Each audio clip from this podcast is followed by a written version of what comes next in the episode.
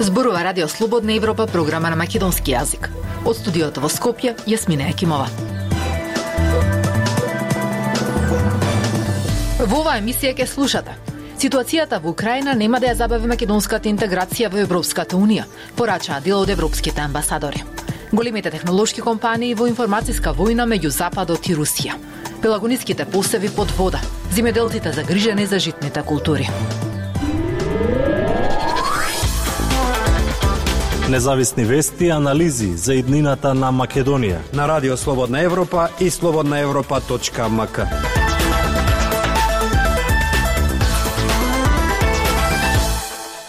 Ситуацијата во Украина нема да го забави процесот на евроинтеграција на Македонија, порача евроамбасадорот Дейвид Гир и амбасадорот на Франција Сирил Бомгартнер. Велат патот кон Европската Унија е преку реформите и диалогот со Бугарија. Отфрлија споредба помеѓу односите меѓу Русија и Украина и Унија меѓу Бугарија и Македонија, велејќи дека Москва има агресорски пристап кон Украина, а Бугарија била меѓу првите земји што ја признале Македонија и ја поддржа за членство во НАТО. Пелагија Стојанчева има повеќе. Тоа што Украина бара брз прием во Европската Унија нема да го забави европскиот пат на Северна Македонија, велат евроамбасадорот Дейвид Гир и амбасадорот на Франција Сирил Бомгартнер, кој одржа заедничка пресконференција посветена на кризата во Украина. Франција е актуелен преседавач со Европската Унија. Амбасадорите велат дека брзиот пат на земјава кон Европската Унија се реформите и диалогот со Софија. Не е прашање само да стане земја членка на Европската Унија како таква, како што стојат работите, моментално тоа некако би створило слабост. Земјата треба да се подготви за неизиното членство во Европската Унија, но прво што треба да се направи сега е да се отворат пристапните преговори. Рече евроамбасадорот Гир. Францускиот амбасадор вели дека новиот геополитички контекст само ја зајакнува стратешката важност за стабилизирање на регионот. Особено за Северна Македонија на премин кон нова етапа, а тоа е регионална интеграција. Тој нов контекст не може да предизвика спротивни ефекти. Вели францускиот амбасадор, Бугарија го блокира почетокот на преговори на Македонија за влез во Европската Унија. Со доаѓањето на новите влади во двете земји на почетокот на годинава, преговорите меѓу Скопје и Софија се интензивира. Амбасадорите на пресконференцијата го поздравија диалогот, нотирајќи дека така се решаваат споровите, а не со употреба на сила. Да ги оставиме тие што преговараат меѓу себе да најдат решенија. Европските институции и француското председателство го следат сето тоа со високо ниво на внимание и се спремни кога ќе дојде со одветниот момент да го дадат својот придонес за да може во најкраток можен рок овие позитивни моменти да бидат крунисани со успех кој сите го посакуваме. Вели францускиот амбасадор, министерот за надворешни работи Буер Османи, говорејќи за проширувањето на Европската унија во контекст на актуелната ситуација со Украина, рече дека Западен Балкан е слаба точка на Европската Унија и дупка во незиното тело и оти сега е момент тоа да се смени политиката на проширување е важна безбедносна политика и мислам дека тоа ќе Европската унија ќе смогне сили да направи веднаш брзи чекори, а најлесните чекори е веднаш да почне преговори со Северна Македонија и Албанија. Рече Османи во гостување на 24 телевизија. Амбасадорите на Европската унија и на Франција во земјава порачаа дека Украина е жртва и мора да и се помогне на кој било начин, но тиреки дека откако почна агресијата на 24 февруари, Европската унија воведе три пакети санкции кон Русија, а се разгледува и можноста како на брз начин да им се помогне на луѓето кои бегаат од војната со тоа што ќе им се олеснат условите за престој, работа и образование во земјите членки на Унијата и нејзините партнери. Актуелности свет на Радио Слободна Европа. Москва ја засилува контролата на медиумите и на технолошките платформи, додека Западот воведува ограничувања за руските медиуми. Во време кога руски ракети паѓаат врз украинските градови, втората битка се одвива на интернетот. Со новите економски санкции против Русија и притисокот за борба со дезинформациите на интернет. Експертите велат дека конфликтот меѓу Русија и моќните технолошки компании, како Facebook и Twitter, може да се интензивира. Емил Златков на оваа тема. Додека руските ракети паѓаат врз украинските градови, платформите на големите технолошки компании се претворени во боишта во паралелна информативна војна меѓу Западот и Русија, во екот на големата геополитичка битка за влијание. пишуваат светските медиуми. Со прелевањето на војната на Русија со Украина на социјалните мрежи, големите технолошки платформи почнаа да ги ограничуваат руските државни медиуми да ги користат нивните платформи за ширење пропаганда и дезинформации објави Associated Press. Мета, која е собственик на Facebook и Instagram на 28 февруари објави дека ќе го ограничи пристапот до руските медиуми Russia Today и Спутник во Европската Унија по изјавата на председателката на Европската комисија Урсула фон дер Лајен дека властите работат на забрана на нивните сајтови. Google воведе слични мерки за двата медиума на 1 март, најавувајќи дека веднаш ќе започне со блокирање на нивните канали на YouTube во Европската Унија. Други американски технолошки компании досега воведоа поскромни промени, како што се ограничување на досегот на медиумите под контрола на Кремљ, етикетирање на нивната содржина за корисниците да знаат дека доаѓа од руската влада и негирање на способноста на руските медиуми да собираат приходи од реклами. Американските власти не презедоа слични мерки ниту воведоа санкции за руските државни медиуми, оставајќи ги технолошките компании да сватат како да го намалат досегот на Кремљ. Нарачките од Раша Тудеј и други руски државни медиуми се се уште активни на Facebook во Соединетите држави. Твитер во понеделникот објави дека откако во последните денови снима повеќе од 45.000 твитови дневно од корисници поврзани со руските државни медиуми, ќе додаде ознака на содржината од сајтовите на Кремљ. Компанијата исто така изјави дека нема да ги препорачува или насочува корисниците на страници поврзани со Русија при незиното пребарување. Компанијата објави дека ги забранува рекламите на руските државни медиуми и острани мрежа од 40 лажни сметки, страници и групи кои објавувале проруски ставови. Мрежата користела измислени луѓе кои се представувале како новинари и експерти, иако немале голема публика. Руската инвазија на Украина стана одлучувачки геополитички момент за некои од најголемите светски технолошки компании, бидејќи нивните платформи станаа главни боишта за паралелна информацијска војна. Пишува New York Times.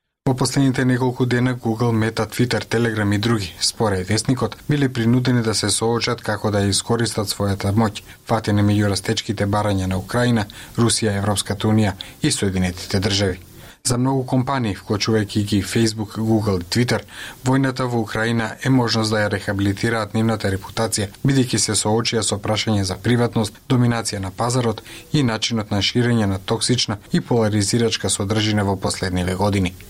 Сега, истакнува New York Times, тие имаат можност да докажат дека може да ја користат својата технологија за добро, на начин што не е виден од арапската пролет во 2011 година. Дайте ни 15 минути и ние ќе ви го дадеме светот. Слободна Европа.мк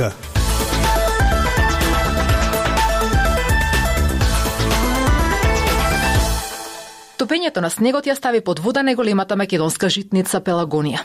Земјоделците сега стравуваат од сериозни последици по житните култури, а велат и дека ќе доцни пролетната сеидба, бидејќи земјоделската механизација не може да влезе во нивите. Повеќе во прилогот на дописничката од Битола, Женета Здравковска. За езерување настана врз добар дел од десенските посеви во најголемата житница во земјава Пелагонија по последниот бран обилни снежни врнежи. Поради влага доцни прихранувањето на посевите засеани со жито и јачмен. Земјоделците се загрижени дека поплавите ќе предизвикаат и оштетувања кај житните култури, а ќе доцни пролетната сеидба. Со оваа влага тешко дека земјоделската механизација ќе влезе по раниците. Освен врнежите, високите подземни води води. Тие велат дека проблем е и неисчистената секундарна каналска мрежа која не овозможува проток на насобраната вода до река Црна, туку се излева по нивите. Фактички ќе стопира прихраната на пшеницата, али сега ќе касни многу прихраната и ќе се стопира пратењето. И се гледа и со голо око, кај што има огледала веќе се знае оти тука ќе има загуби во приносите. Подземните води се високи, подземни води не трпи пшеницата многу јачмењето ич. Најкритично е општо во Пелагонија, можам да речам секаде, со овие последниот дожд снег. Со прихраната се доцни скоро еден месец. Првата прихрана требаше да се изврши почетокот на февруар. И тогаш нешто се јавија проблеми околу снег, ова она, не крепеше земјата со рака. Прва прихрана уште немаат земјоделци направена. Сега е, треба да се спремаме за втората. Со ова влага сега што има за 15 дена да не заврни, капка да не заврни, не може да се влезе. А за нивите тоа веќе во вода беа цело село. Вика ништо може излего таму да вида, ништо или нема. Кај што не се требени каналите, тешка ситуацијата. Не се требени секундарните канали. Онај дел према Грција веќе тоа секогаш таму страда. Жабенскиот дел страда од вода. На Петроен таму има вода. Долу Говарди вода има многу. Црна е празна. Ова вода не сме да биде вака да ја гледаме ни огледал, ако се чистени каналите. Нула. Само кај што е повисок нешто ќе има, меѓутоа не се исплати и да, да пушти комбајт. Но за оваа година не ќе има ни пролетна.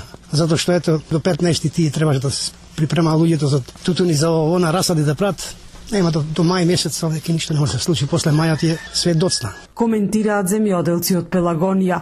Обработливата површина во Пелагонија изнесува околу 79.000 хектари. Пролетната сеидба опфаќа околу 21.000 хектари со сончоглед, пченка, фуражни градинарски култури, а есенската околу 23.000 хектари со жито и јачмен. Приносите од жито се во просек 3.500 килограми по хектар или околу 260.000 тони пченица. Пелагонискиот регион е втор во земјава по големина по бруто домашен производ, но по главните индустријски производи прв и прв по производство на жито. Култура и уметност. На Радио Слободна Европа. Во деновите од предстојниот викенд во Младинскиот културен центар Скопје премиерно ќе биде прикажана представата Одлука. Станува збор за уметничко истражување за носењето одлуки, чиј автор, драматург и режисер е Хана Миленковска, а коавтори и актери Мартин Ѓоровски и Чедомир Митевски. Прилог на Љупче Јолевски. Миленковска, од каде потребата, колку долго и како всушност се роди одлука како уметничко истражување и потоа како театарска представа? Во сите достигашни дела на еден или на друг начин некако се занимавам со прашањето на слободна волја. Така една бесална ноќ пред околу година и пол дена, разговарајќи со себе, сватив дека поради начинот на живот кој сум решила да го прифатам и наративите кои ги сметам за блиски, во секојдневната интроспекција не се прашувам баш чисто како доаѓам до одредени одлуки. И решив тоа да го истражам идејата се испруси со тек на време, а околностите во кои е развивана ја скастрија во она што ќе гледате викендов. Како автор, драматург и режисер, што им беше целта на Хана Миленковска и на нејзините соработници со овој проект? Па да бидеме честни кон себе во работата, е она што најчесто го повторувам како одговор на ова прашање, врзано со секој нов процес и им го повторувам често на моите соработници. Она што се изведе од тој постулат во овој процес на работа е дека честноста не е особина туку е одлука. Одлучуваш да бидеш честен и одговорен или не, секој ден. Во моментов барем мислам дека тоа е нашиот најважен консензус при создавањето на ова парче театар, но ова би додала и дека сакавме другите да уживаат во нашата несовршеност како што научивме и самите да правиме низ процесов. Обично кај нас и не само во последно пандемиско време се се одвива на мускули, од идеја до реализација. Како течеше процесот и за каков предизвик всушност се работи? Што се моравте да победите во вас и околу вас за тој да излезе на виделина? Би рекла на мускули, но и на нерви. Освен време и волја, друго немавме кога започнавме. Сега имаме представа и тоа е оно што е важно. Како дојдовме до тоа се гледа и во самата представа на некој начин. Мислам, можам да зборувам дека не е лесно да се создава уметност денес без ресурси, но сметам дека да се зборува за потешкотиите при создавање театар во време какова само по себе подразбира одредена привилегија. Колку со одлука влеговте во сршта и модалитетите на времето во кое живееме или живуркаме, се едно. Се изборивте ли со себе и со демоните што лепдат над сите нас? Во себе победувавме се што ни пречи и околу нас. Да се победи нетноста и безволието во нас и во нас е возможно само мигот кога создаваме и само тога сме вистински слободни од нив. Си изборивме да дојаме до некои сознанија кои допрва ќе треба да ги процесираме, сознанија кои ни е важно да ги кажеме, иако може би си уште не знаеме како да се справиме со нив. Демоните си се тука со нас, нив гледаме никако да ги ставиме во функција на создавањето некаква убавина. Ви благодарам на разговорот. Тоа беше се што ви подготвивме за оваа емисија. Од студиото во Скопје со вас беа Јасмина Екимова и Дејан Балаловски. До слушање.